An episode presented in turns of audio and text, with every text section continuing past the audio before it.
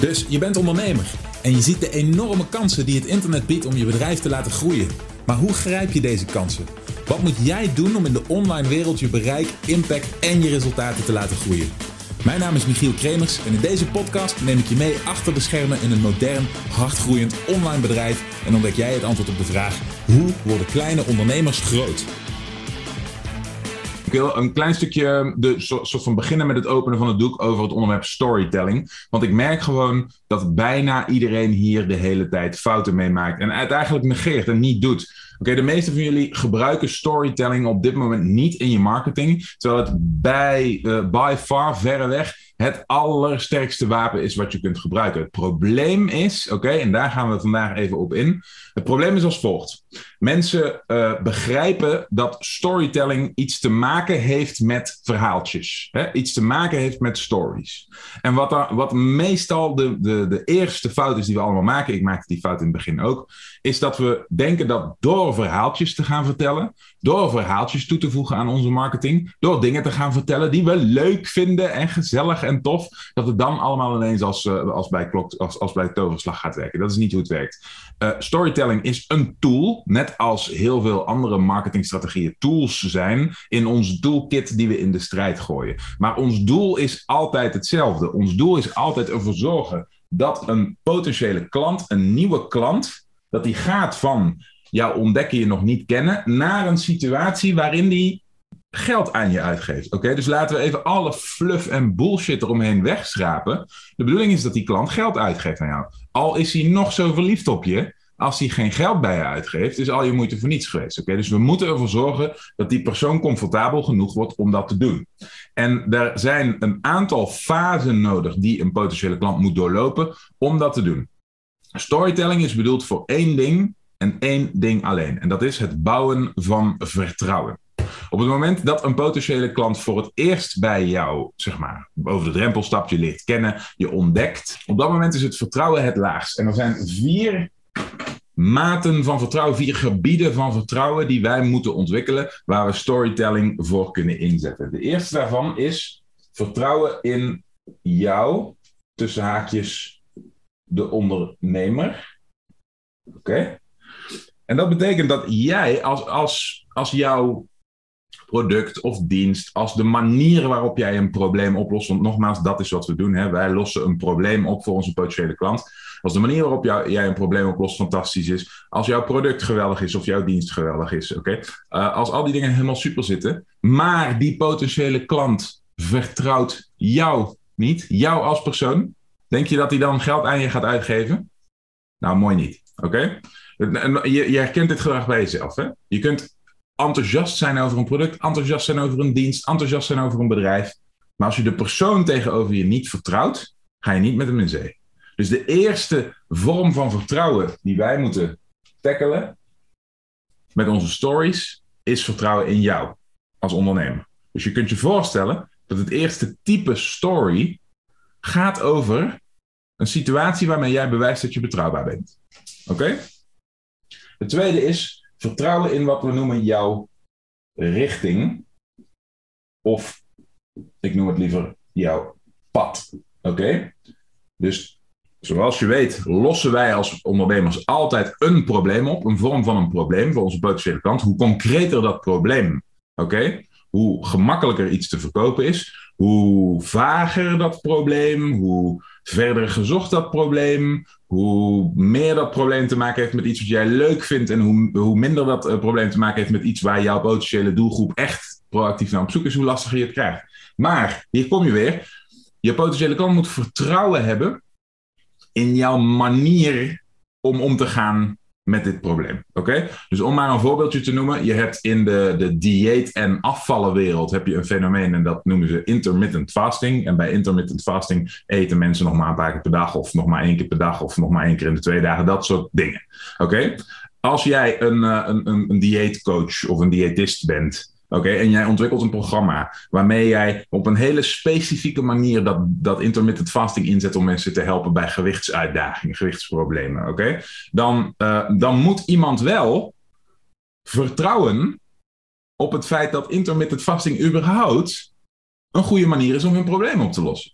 Want als zij geloven in, in het hele verhaal van uh, oh, je, je moet je metabolisme juist gaande houden. Hè? Dat is ook een, een, een, stroming, een richting. Oh, je moet juist meer kleine beetjes eten. Oh, je, nee, je moet niet stoppen met eten. En Als ze dat geloven, als dat hun mindset is, als zij niet vertrouwen dat intermittent fasting de richting is waar ze in zouden moeten kijken, dat dat een manier is die hun probleem potentieel op zou kunnen lossen. Als dat vertrouwen er niet is, dan worden ze geen klant. Oké?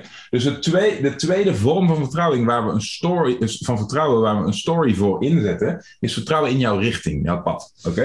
En dan hebben we de wat concretere stap die daarop volgt, is vertrouwen in jouw product of dienst. Oké? Die is logisch, hè? Op het moment dat jij, uh, stel dat jij een, een intermittent fasting programma hebt, waarbij je uh, zegt: je eet in mijn programma maar uh, één keer in de twee dagen. En we richten dat op heel veel eiwitten. En we, we, en we doen de groenten alleen maar, of de, we doen de, de gezonde, hoe noem je dat, vitamines en mineralen doen we alleen maar via supplementen, bijvoorbeeld. Je eet alleen maar één keer in de, één, één keer in de twee dagen kip. Alleen nog maar kip. En, uh, en, en, en uh, vitamine- en, en mineralenpreparaten. Stel dat dat jouw manier is. Dat is een hele specifieke manier. Dus nogmaals, de richting is intermittent fasting. Jouw product of dienst is iets specifieks daarin. Hè? Dat begrijpen jullie, neem ik aan. Oké? Het vertrouwen moet er zijn voordat iemand geld aan jou gaat uitgeven. Voordat iemand instapt bij jou. Dat niet alleen intermittent fasting de juiste manier is om het probleem op te lossen. Maar dat jouw specifieke aanpak, jouw product, jouw dienst het probleem gaat oplossen. Dat, dat vertrouwen moet er, zijn, moet er zijn. Men moet ervan uitgaan dat dat waar is. Oké? Dus ook een mate van vertrouwen. Deze is heel concreet. En de laatste, en dat is misschien wel de belangrijkste. Die klant moet vertrouwen in zichzelf.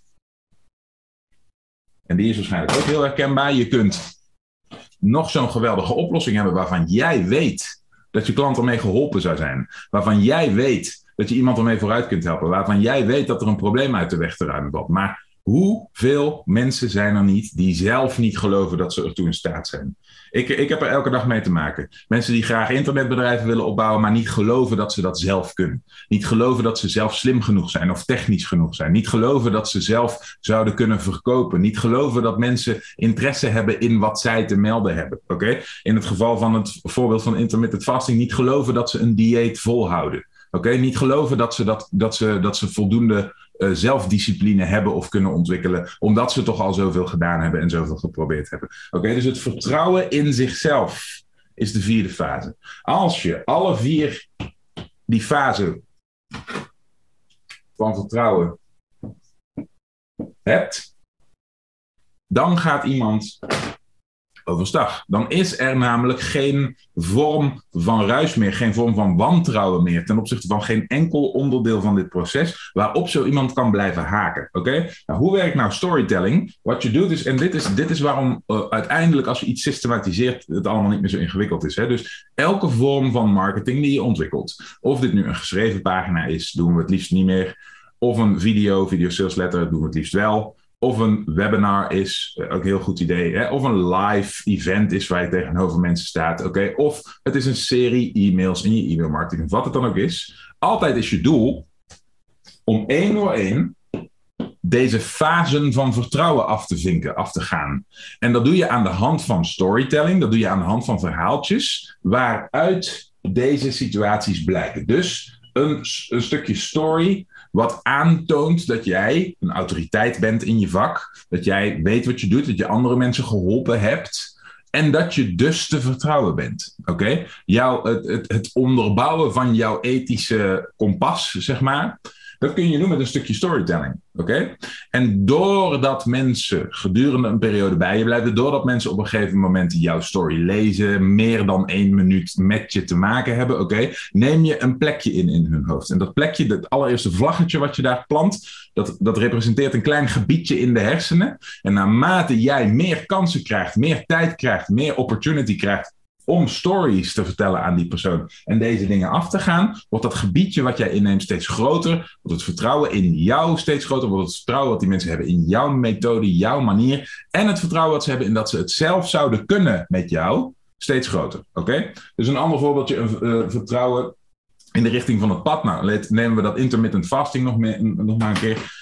Um, om ervoor te zorgen dat mensen gaan geloven dat intermittent fasting een pad is wat voor ze kan werken, zou je een verhaaltje kunnen vertellen over iemand die alles geprobeerd had. Oké, misschien een, een, anekdote, misschien iemand die je kent, of loosely gebaseerd op iemand die je kent. Oké, die heel erg worstelde met overgewicht, die alles geprobeerd had, die naar uh, specialisten was geweest, die naar klinieken was geweest, die zichzelf had uitgehongerd, die alle hippe methodes had, die een, een kast vol met uh, afvalboeken had, die zich helemaal te pletters weten in de sportschool en die maar niet kon afvallen. Oké? En dat jij, dan, dan kun je dus, een, hier maak je een verhaal van, hè?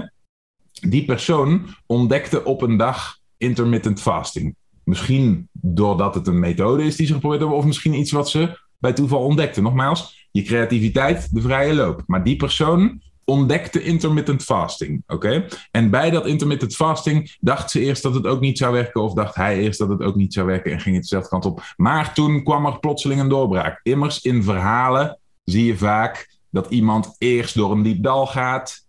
En dan een oplossing, een, een, een doorbraak, een ontdekking doet, waardoor de situatie verandert. Dat is aantrekkelijk voor mensen om te lezen. Oké? Na het ontdekken van het intermittent fasting werd het allemaal ineens een heel stuk eenvoudiger. Oké?